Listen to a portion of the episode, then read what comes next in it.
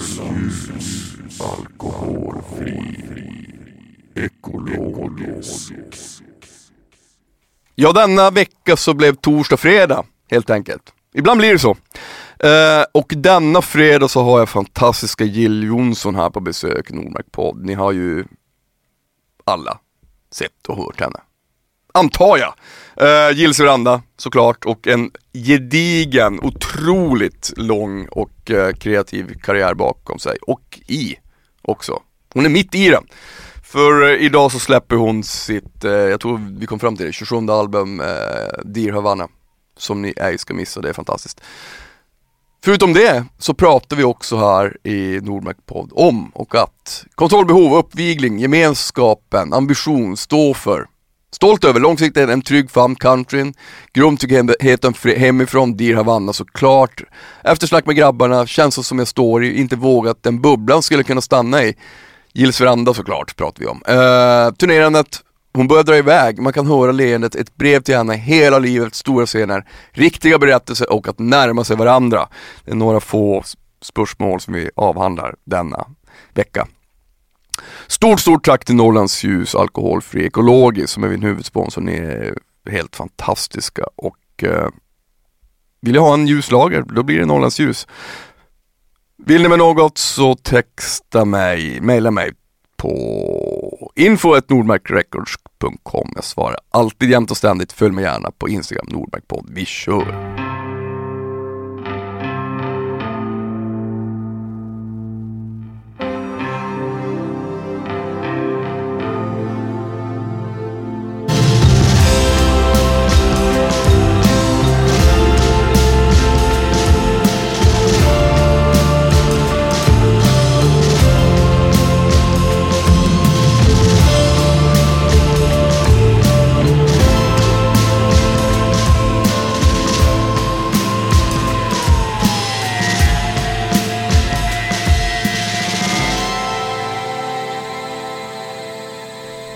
Johnson, Yeah. välkommen till Nordmark podd. Vilken ära att få ha det här. Tack. Underbart. Hur står det till med dig? Det står bra till. Jag har ju då ett kontrollbehov och ser att det inte rullar på det, men det gör det visst. Det gör det bara visst syns det. inte. Har du kontrollbehov? Ja, det har jag. Jag med.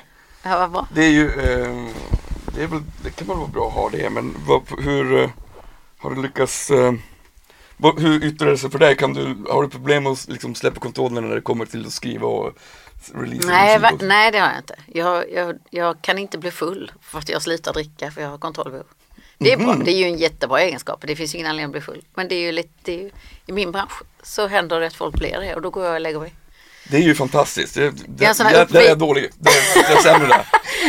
Ja, men jag, är sån, jag är helt hopplös. Jag är sån här uppviglare. Alltså jag viglar Du upp får andra till- bli fulla, sen Nej, men inte fulla. Men jag, jag längtar alltid till liksom fest och gemenskap Mm. och samkväm efter spelningar och sådär. Men sen så lägger jag av. Men sen tycker jag att kontrollbehov är bra. Alltså jag tror att kontrollbehovet har tagit mig dit jag är idag genom att man har koll på, koll på saker och ting. Mm. Det är ambitiöst liksom. Men det finns också en, eh, jag upplever mig själv med mitt eget kontrollbehov ibland att jag, jag kommer liksom från bandvärlden också sådär men Mm. eh, när, när man har börjat bryta sig loss lite ur det så finns en sida som också får en att vilja bestämma. Mm. att jag tänker så här, men, men det där är inte lika bra. det blir bättre om jag gör det. Det Ja, jag det är en fruktansvärd egenskap. Eller det fast- kanske är bra, jag vet. Ja, Men det beror väl lite på, nu får vi nyansera det hela lite. Men, men jag har väl då eh, åt andra hållet kanske alltid fått bestämma eftersom att jag inte har varit i en bandkonstellation. Att jag alltid varit liksom artisten eller Ehm, Men det är väl någonting som jag tycker jag har lärt mig i alla fall med åren och med åldern att låta folk som är bra på någonting göra det och inte ha det på mitt sätt om inte det är det bästa sättet och det är det ju inte alltid. Nej, jag vet. Ganska ofta. Men... Nej, jag- nej, men jag, nej men Men jag man skämt kan- åsido, jag skämtar. Men eh, så det tycker jag väl är eh, och sen så fast det inte har med saken att göra så vill jag bara säga det till dig som har varit i en bandkonstellation att det är ganska eh, ensamt att vara en bestämmande artist. Jag kan ju längta otroligt Mm. mycket efter att få vara i ett band och jag kan också känna att det är där jag hoppas att folk uppfattar mig som en lojal artist. Jag vänder mig gärna till samma musiker och tekniker där det har fungerat. Där vi tycker om varandra av den anledningen. För jag vill dela glädje och sorg med dem. Liksom. Men känner du på, då, nej, men du kanske, då får du väl också den dosen när du själv är på turné? Alltså att, det, att du har ju ett fullt band. Ja, Så för det du mesta. menar- Ja. ja, men så är det ju. Men jag tänkte också på, ehm, eh, jag kollar på din diskografi, det är ju, du är nog bland de som har släppt mest album tror jag. Jag vet. Alltså det, jag, vet, jag vet inte om jag, om det blev över, min hjärna slutade fungera vid 20 tror jag. Ja, men jag tror att det här blir det 27. Oj, ja.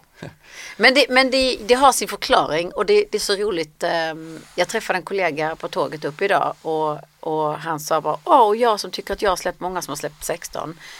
Men eh, jag tror att jag skulle kunna halvera min lista av album om jag skulle ta fram album som jag är stolt över idag. Eller album som jag kanske till och med om jag ska sträcka mig så långt står för. Men sen kommer jag då in i min liksom ja, vad ska man säga, mognad och förstår ändå att alla album har haft sin roll och sin betydelse och sin vikt. Och man ska komma ihåg också att jag byggde en karriär i en genre som inte fanns i Sverige eller eh, låg antingen snarlikt åt dansband eller åt slager eller man visste inte riktigt vad det var.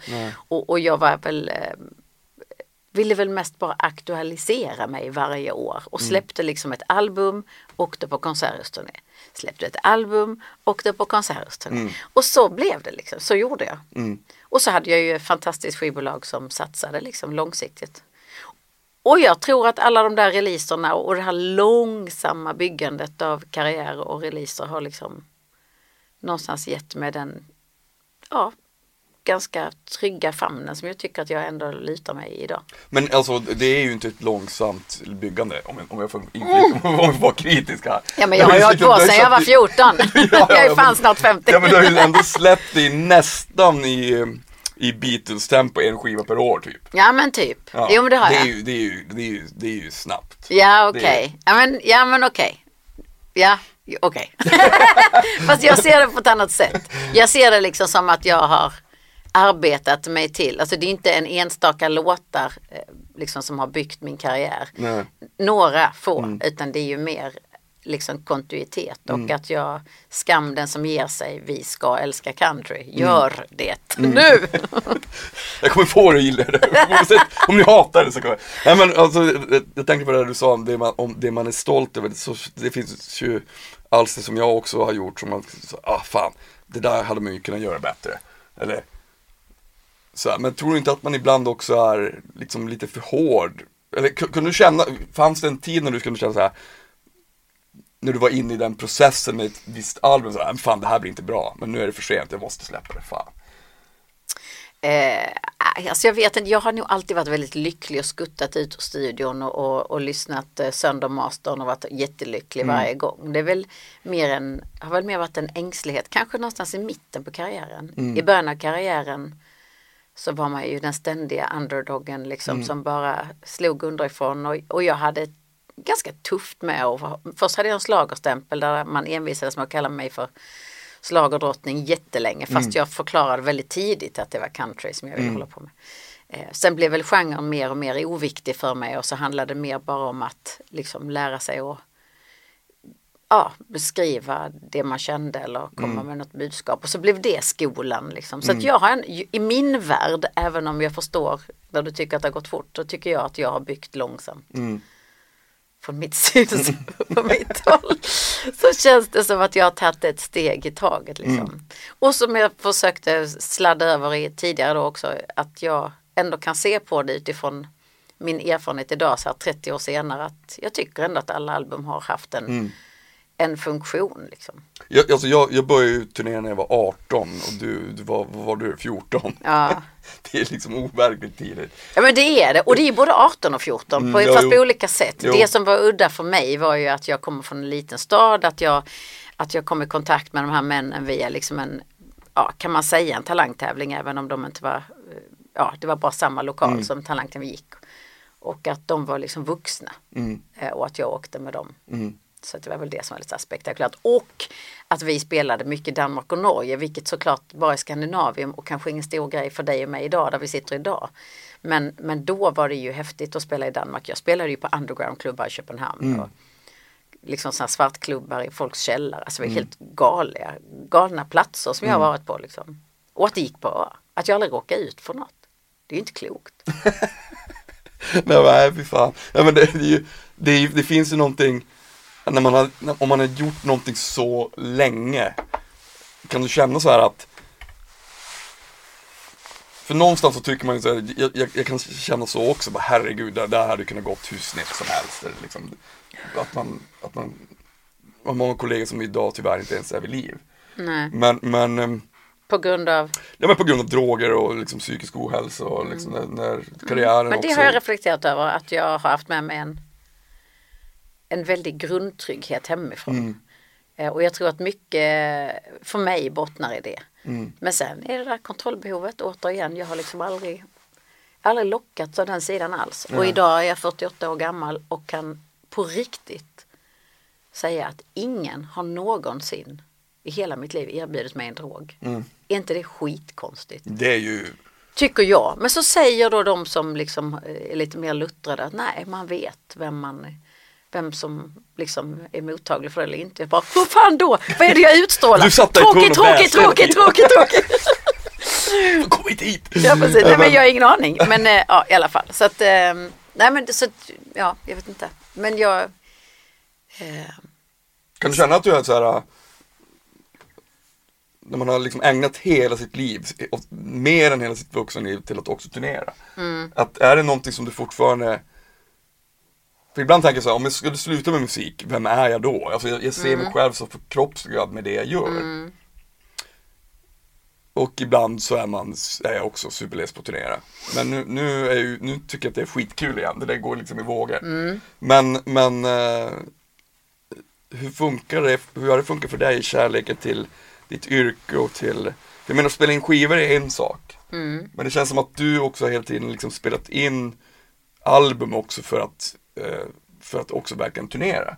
Att de, liksom, verkligen att de verkligen går, går, går ihop och det är också en eh, att, det, finns en, en stolthet i ens em, yrke på något sätt. mm. Jo men det känner jag ju. Nu har vi pratat, nu var det mycket jag vill svara på det här. Jag vet inte vad frågan egentligen är. Men Jag glömde, jag glömde det. Nej men du, jag, jag kan bara reflektera över det du sa. Alltså först och främst absolut, jag har alltid spelat in skivor för att få turnera. Att aktualisera mig så att jag har en ny rubrik, en ny eh, omslag på boken och sen ut och berätta liksom. Så det är rätt uppfattat. Sen tycker jag ju att turnerandet och att vara musiker är en livsstil oavsett om du har ett kall eller inte. Det blir ju en livsstil. Men, men för mig har det också varit ett kall. Jag har klivit på turnébussen och känt att jag landar i en familj. Den andra familjen helt enkelt. Och många år och många stunder så har jag lyckats sammanfoga min familj. Mina ungar har varit med i turnébussar och, och liksom eh, är socialt drillade deluxe liksom. Vilket jag tycker är en gåva idag när jag, de är äldre och jag ser hur fina de är och hur modiga de är när de träffar nya människor. Och hur öppna de är för alla sorters människor vilket jag också eh, man inte kan ta för givet. Nej. Eh, men så kommer vi till de där stunderna där man spyr på att packa sin väska igen. Man kanske inte ens har packat upp väskan sedan förra helgen för man har inte orkat. Det är klart att det finns en baksida eh, och efter en pandemi där man har fått vara hemma varje helg med sina barn i nästan två år så känner man ju också att eh, vad är det jag håller på med? Men jag tror ändå aldrig jag kommer att sluta trött, alltså jag, eller jag tror aldrig jag kommer tröttna på det. Jag tror aldrig jag kommer sluta turnera. Jag, för mig är det fortfarande ett driv, alltså ett driv jag, Mm. jag tycker att det är en jäkla ynnest att få resa i jobbet och eh, få träffa människor från norr till söder liksom. Och ibland öst till väst. Jag tycker det, är, det är fantastiskt. Ja det, det, det, är, det är värsta super- Men jag önskar däremot, och det kan jag också säga, nu kastar jag mig in åt ett annat håll, det är ju att jag önskar att folk förstod. Mm. Alltså att lyssnarna till musiken förstod vad mycket vi jobbar som inte är glamour och vad mycket vi ändå med, alltså försöker. Verkligen, jag pra- jag pratade med, med John från Jonossi som jag är på turné med nu Och de, de att det, fin, det finns också den här det, det är så få, mm, om man nu liksom skulle slå ut det på någon slags eh, per capita som, Ja. som gör det vi gör, alltså att leva som Mm. turnerande musiker och så här. Och, och så finns det olika så aspekter, det finns liksom att man man jobbar en till två timmar per kväll, ish, och sen så, men sen så ska man också förbereda sig mentalt för att ställa sig på scenen.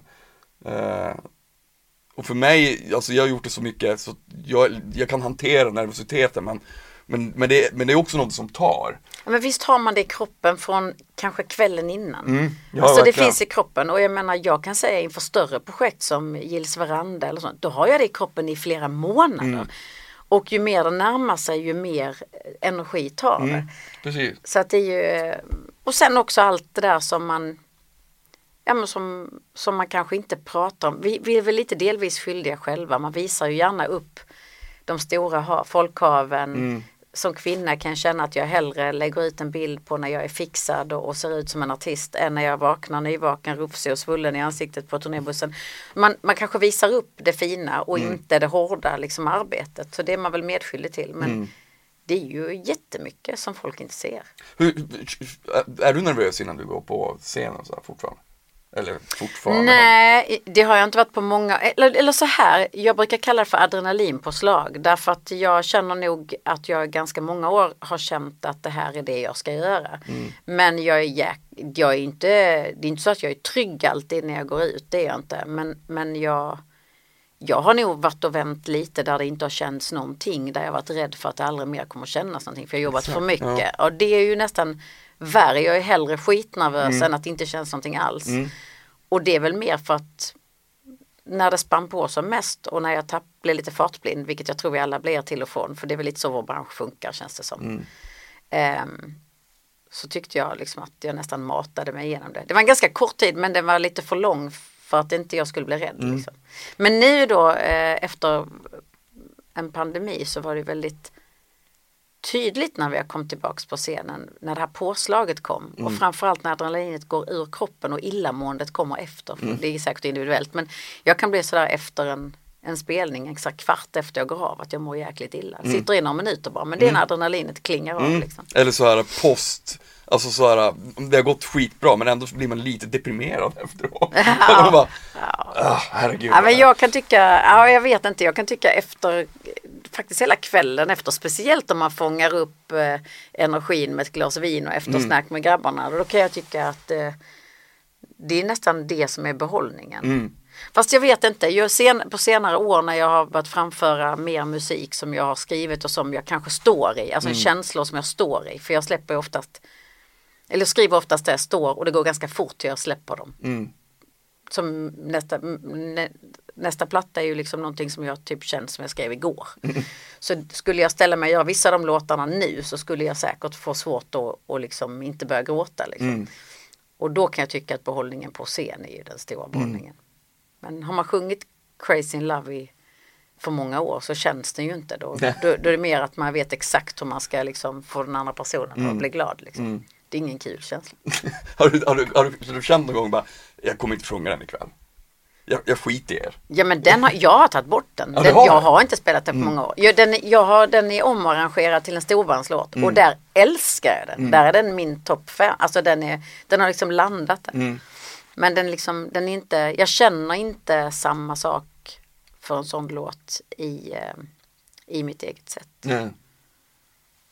Mm. Men det är väl inte så konstigt. Jag var ju på en annan plats då och, och den är ju liksom bara den är ju mycket enklare tycker jag. Mm. Tror du att det finns en så här, äh, om, du- om du ser på din karriär och, liksom, och, och hur albumen har utvecklats och att eh, är det viktigt för dig att det alltid finns, ska finnas en eh, jag menar man, man vet ju det man gör och, och såklart och det, det, det skråt man är i men samtidigt så finns ju hela tiden ett sökande för att liksom ens musik ska kännas spännande för, för en själv att, att skriva och producera. Vad är det som inspirerar dig och som ehm, för den, den känslan är så subtil när man jobbar. Att det ska finnas någonting som är lite um, outforskat kanske.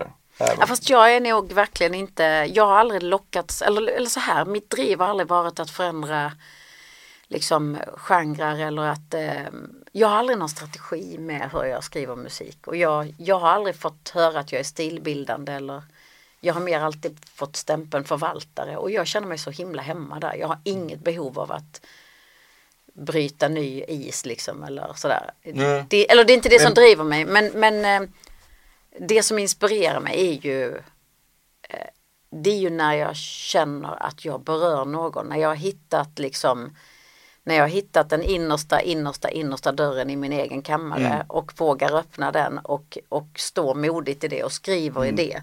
Då vi, när jag känner så mycket själv, Mm. då vet jag att det kommer finnas andra, för vi är så pass samma lika människor. Liksom. Mm. Jo, jo. Då vet jag att det kommer beröra någon annan. Det var nog kanske snarare det jag, jag syftade på. Ja. Men att man, måste, att man måste ändå hitta den där kärnan när man skriver. Ja. Som gör att det känns liksom gediget och eh, eh, för, för mig är den, den är så flyktig. Alltså jag, jag, jag vet att jag måste sätta mig ner och jobba. För att det ska bli Ja men nu gjort. fattar jag vad du menar, okej. Men, men, men att det, det, men det måste liksom när den där, den där lustan är ganska flyktig för mig och när, den, när, den, när den försvinner då får jag jobba så hårt. Mm. Ja men nu fattar jag precis, för förlåt jag missförstod det. Men då kan jag säga så här, när jag åker till Nashville, för jag har nästan skrivit eller jag tycker att Nashville har varit min musikutbildning för jag är inte utbildad alls i musik. Det är liksom det som har, som har känts som min skola. Och nu är det över 20 år som jag har rest dit och skrivit musik. Och det har, det har varit liksom kanske det svåraste att hitta liksom först och främst att, att inte göra texterna för pretentiösa. Att, att, att komma ihåg att det enkla ordet är det starkaste om det bara, träff, om det bara känns. Eh, och sen också då att hitta modet att släppa kontrollen, att våga blotta sig. Eller, eh, för jag skrev ju nästan bara om andra förut och nu så tycker jag det är jättesvårt att skriva om andra. Nu tycker jag det är mycket enklare att bara skriva från den, det innersta rummet liksom. Ehm, vad var det jag skulle säga med allt det här? Vad sa du? Det var något jag skulle haka på. hitta den här kärnan. Jo, nej men just det, jo det var det jag skulle säga. Så när jag åker till Nashville då brukar jag känna den här, apropå lusten, att det är flyktigt sa du, förlåt jag tappar. Eh, bara jag kliver av liksom i Nashville på flygplatsen så känner jag den här, alltså då kommer det bara, det blir som en en retreat liksom, där vi bara skriver och, och dricker och äter och skriver och dricker, alltså dygnet runt i två veckor, sen åker man hem. Och så har jag alltid jobbat. Och så ser jag på alla jättebegåvade upphovsmän här i Sverige som kanske går till en studio varje dag och skriver liksom. Och säger precis som du säger och gör jobbet. Jag är nog mer sån att om jag bara hittar en ram till tavlan som jag tycker, alltså om jag har bara hittat liksom rubriken på boken eller du vet så här, då kommer det bara. Och för första gången nu så har jag skrivit helt själv, vilket jag aldrig har gjort förut därför att jag har inte vågat tror jag. Jag tycker det är ganska tråkigt för då är jag bara med mig själv. Jag tycker det är så jäkla underbart att sitta med någon annan och bolla.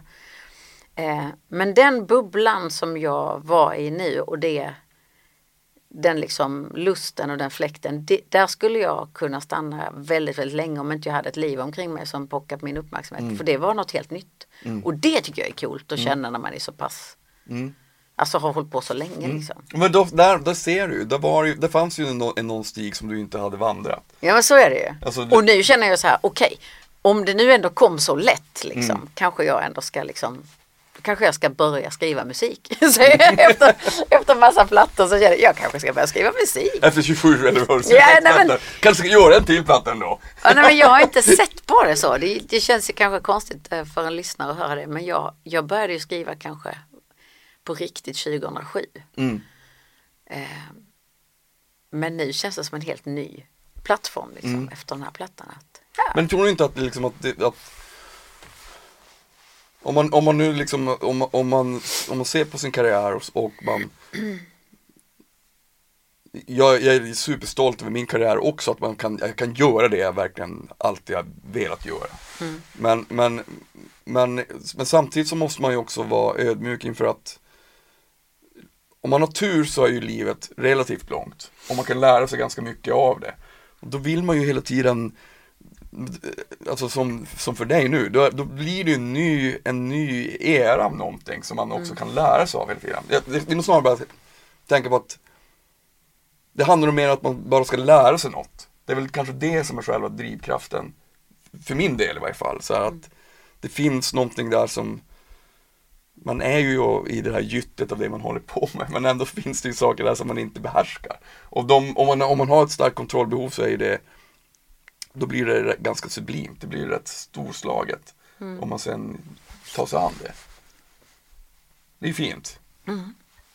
Det var ingen fråga, det var Mm. Nej, bara konstigt konstaterande. Men du, jag tänkte att vi ska prata lite om eh, ditt kommande album.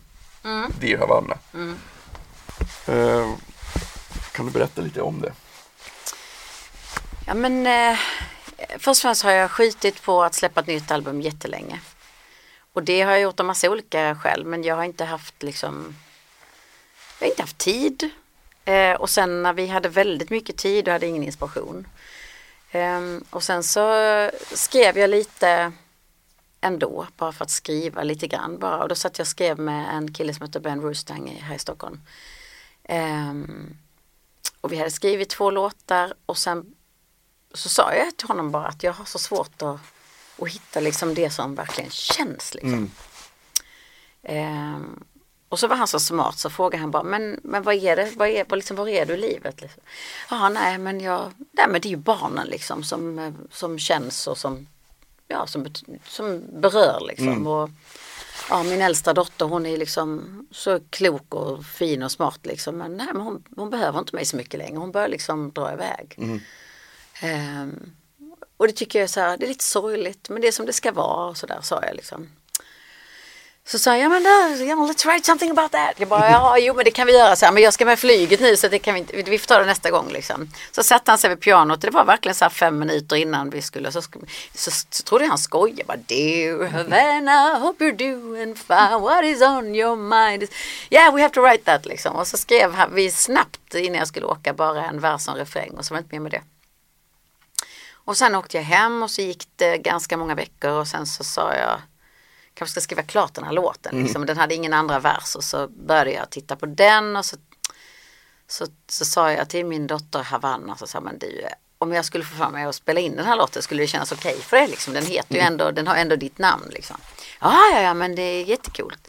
Så sa men du jag ska skriva en andra vers. Alltså undrar om inte versen ska vara liksom från dotterns perspektiv. Och då hörde till saken att Havanna och jag hade haft ett sånt där långt fint samtal som man ibland kan landa i liksom, om att plugga utomlands. Och Havanna hon tyckte att hon skulle liksom dra till college. Hon är väldigt lockad av att resa till USA. Jag bara, men det är ju ganska långt hemifrån. Hon bara, ja precis, precis. Det, jag bara, okej. Kanon. Okej. Ehm, ja, och sen det ena gav det andra så skrev jag versen utifrån dotterns perspektiv och så skulle jag åka ner till Malmö och spela in den. Eh, och då var vi i Ängelholm i vår bostad där och så sa jag bara till Havanna, vill du följa med till studion? Räkna iskallt med att de skulle säga, nej det är lugnt, jag stannar hemma. Men hon bara, ja det kan jag. Och sen så spelade jag låten i bilen och så satt jag där och funderade liksom. Mm, ska jag våga fråga eller ska jag inte fråga? Blir det fel style liksom? Och kommer jag ens... Äh, känner du för att prova sjunga på låten liksom? Och då har vi inte sjungit så mycket hemma. Alltså jag har hört henne sjunga. Men hon har ju liksom inte sjungit Nej. på det sättet. Eh, så, så det, är, det är inte säkert vi använder det och, och du behöver inte om du inte vill. Liksom. Ja men ja, ja spännande liksom. Jo, men det, oh, det, det kan jag göra. Och sen blev liksom det blev ett sånt otroligt fint moment oss emellan. Det blev liksom Jag stod bakom henne i, in i sångbåset och, och sjöng och liksom knep henne lite sidan för jag ville hon skulle le när hon skulle sjunga för att det, det låter annorlunda om du sjunger och ler. Det blir ett helt annat sound liksom. Man kan höra leendet om man koncentrerar sig lite på det. Och Nej men det blir bara så här och så helt plötsligt så ser jag bara min producent sitter där ute och bara storgråter liksom. Och sen så tittar jag och Havanna på varandra och så bara så vi gråta så känner vi bara fasen det här var fint. Liksom. Sen var det inte mycket mer med det. Vi var väldigt nöjda med inspelningen och jag funderade inte så mycket på att det här skulle bli ett album. Jag funderade inte på om hon skulle vara med på, alltså det fanns liksom ingen plan. Men på något sätt så spelade vi upp den här låten för att vara nära och kära och det blev en sån, jag märkte hur våra samtal förändrades liksom. Och sen gav det ena det andra och sen började jag reflektera kring hur jag verkligen kände i det här med att Ja men att hon liksom håller på att blomma ut och, och bli en sin egen person och snart så kommer hon inte vara med mig och jag kommer inte vara den viktigaste personen i hennes liv. Liksom. Och det blev en hel platta. Och det fina med albumet är att det växt fram, det har gått väldigt fort men det har växt fram och att hela skivan är ett brev till henne. Att det är liksom, det börjar verkligen med Dear Havana och sen är det liksom en Någonting som jag vill att hon ska ha med sig i livet. Fint. Ja men det känns, det känns väldigt genuint och eh, jag är Hon, väl, kom, hon kommer ju ha den hela, hon kommer ju ha den hela livet också. ja. Ja, och det är väl den största tacksamheten den här och att vi har ju fått vara väldigt nära varandra i det här projektet för att man, man, man använder inte sina barn för att släppa sin musik och det känns ju väldigt viktigt att att hon eh, känner sig lika stolt som jag i det här och känner liksom att det jag beskriver i och för sig då mest om mina egna känslor att det att hon landar mjukt i det. Liksom. Nej, den, den, är, den är fantastisk, låter jätte, jätte, jättebra. Vad roligt. Men jag tänkte också på när du, när du sa- att du inte hade någon inspiration där ett tag och så här, hur Där har, jag- har man ju varit och det kan jag känna igen mig i. Men finns, har det funnits någon så här period i ditt liv du känner så här, den kommer inte komma tillbaka? Ehm, nej, det har, jag, det har jag inte tänkt någon gång därför att jag aldrig har tagit den för givet från början. Alltså jag har aldrig känt att jag har haft eller att jag har varit en låtskrivare. Det är lite det jag skojar om innan att jag kanske ska göra det här. Ehm, därför att jag tycker jag skriver inte hela tiden. Det kan gå ganska långa perioder utan att jag skriver någonting. Så det har jag inte varit rädd för. Däremot så eh, är det väl ganska mycket man har eh, kanske ifrågasatt den senaste tiden. Just det med, med glädjen och kommer vi någonsin få stå på stora scener igen och varför, för vem gör jag det här och så vidare. Men nej, skrivkampen har mer handlat om att jag jag behöver hitta nyckeln till det där rummet. Och sen när jag har fått upp den dörren då är det som att kliva in i ett bibliotek och sen är det bara att köra. Det, det, jag tror att det, det är nog ganska vanligt det där att man att man, man, att man också kan känna stress över att, att man ibland måste, ehm, att den där inspirationen måste finnas. Att man hela tiden jagar den på något sätt och sen när man inte känt det på ett långt tag då, får man, då blir man skraj liksom. och så, så kan det Ja. vara för mig. Alltså bara, fan, det här är så tråkigt. Så jag ska nog bara lägga ner. Det här är, det här är så fruktansvärt trist. Jag ska nog göra något helt annat. Men sen så, så dröjer det bara ett tag och så kommer det tillbaka. Och så, det har jag ju alltid gjort hittills. Men, eh, men eh, det kan, alltså någon dag så kanske det inte kommer tillbaka och då gör man väl, då, gör jag, då får jag göra något annat. Ja, Gud, fast jag tror, ja men det låter hemskt. Men jag tror, det är väl det som är så fint med musik och den gåvan. För det är lite så jag ändå betraktar liksom detta. Jag har ändå hållit på sedan jag var barn. Mm. Att jag tror inte, eller jag hoppas inte, jag, eller jag upplever väl att om musiken dör så dör väl jag. Alltså Mm. jag har så svårt att se att jag skulle kunna leva ett liv utan att vara kreativ genom musik. Mm. Det känns väldigt främmande. Alltså, men det är klart, det vet man ju aldrig. Nej. Men, men jag, jag tänker nog att det kanske är viktigare nu än vad det var förr. Nu kanske jag pratar om mig själv och inte om branschen men jag upplever att förr så, så kunde man släppa en platta som hette någonting som någon av låtarna på plattan hette men det fann, behövde inte finnas någon röd tråd bara soundet var homogent. Liksom. Medan jag personligen nu känner eh, att det är enklare att, att liksom på något sätt släppa ett album som har liksom en overall inramning eller jag vet att man pratar om att min förra platta var en separationsplatta och, och det är klart att det har funnits många låtar i, som har handlat om att lämna eller som kanske har varit om sorg och sådär men, men det var nog så att den förra plattan var lite eh, en separationsplatta och då är det här kanske en platta mer om samtalet mellan mamma och dotter och en frigörelse. Liksom. Kanske också en frigörelse som jag själv inte hade på ett sätt men hade på ett annat. Jag drog iväg som 14-åring. Mm. Men jag vet inte om min frigörelse ser ut som min, min dotters frigörelse. Jag ser ju ändå en ganska normal tonåring i henne men jag menar jag jobbade ju direkt från skolan. Jag kom ju hem liksom till mina polares party när de låg liksom i klittorna i- nere vid Skälderviken och aspackade bara vad fan håller ni på med? Alltså du vet så här, lite så här tyckte jag var så jävla mogen. Medan jag hade allt det där kvar liksom. Mm. Märkligt. Ja shit, det, det, det är ju asmäktigt. Men jag tänker om, om man, för jag menar du har gjort andra grejer, Gills veranda är ju också en annan, det är också en annan del av din karriär som har gått och går jättebra. Det är ju en fantastisk serie. Eh, kommer det några nya avsnitt förresten? Eller ny säsong? Eller kanske Jag är försiktigt positiv. Okej, jag, jag, jag tolkar det som, vi, vi, får se. Men, men, men har det varit någonting som du, alltså när det startade, att du tänkte så här, shit det här, det här kan vara kul men det, och så blev det så pass populärt. Var det något som, ni, som du hade liksom räknat med eller var det bara någon Nej, det hade jag inte gjort. Eh, Gills Frande är, är för min, mitt bidrag till Gills Frande är fött ur en, ur en frustration av att det var precis det vi inledde vårt samtal med idag. Det var platta, konserthusturné, platta, konserthusturné, platta. Och så efter liksom en bit in i min karriär så kände jag bara att jag kan inte göra det här mer. Det hade gått 15 år och det, var bara samma lika, samma lika. Och eh, då ville jag utmana mig själv och eh, eh, kände bara att jag ville göra tv. Det var så enkelt var det. Och jag eh, höll på att drömma om en, eh, en amerikansk porch här i Sverige där jag, som jag bara ville bygga rent privat alltså. Och, och försökte bara fantisera kring detta. Och då, ja, men det, ska, det ska vara så man kan ställa upp en liksom kontrabas i ena hörnet och en banjo där och så ska man kunna köra lite live-gig och du vet, så här. Lite som jag hade fått uppleva så många gånger i Nashville.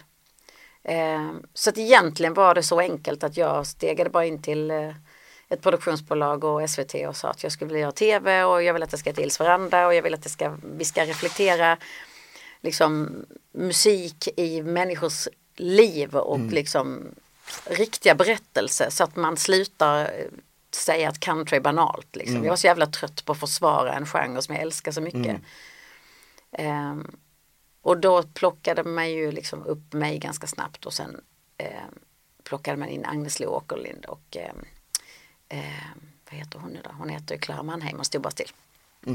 Som tog in samhällspolitiken i det här och då helt plötsligt så fick vi ju liksom en, en nytta med allt också och det, det har visat sig vara så himla lyckat koncept att att filtrera liksom ganska laddade och viktiga frågor i musik. Det blir inte så spetsigt och det liksom blir det silas liksom ner till att alla kan ta det till sig på sitt sätt. Ja det är, det är ju fantastiskt, jättefint. Du, ehm, stort, stort, eh, stor, stor lycka till med, med albumet Tack Dear Hava- så. Havanna. Fantastiskt. Och du är också fantastisk Jill. Tack för att du ville vara med. Tack för att jag fick komma. Stort, stort tack till dig Jill Johnson. Missa för guds skull inte hennes album Dear Havanna, det är fantastiskt. Missa inte heller min turné som jag gör och eh, supportar till Johnossi. Eh, det är två spelningar kvar, Gävle och Karlstad nu nästa torsdag, fredag. Och en ny gäst såklart. Ta hand om er. Puss och kram, hej.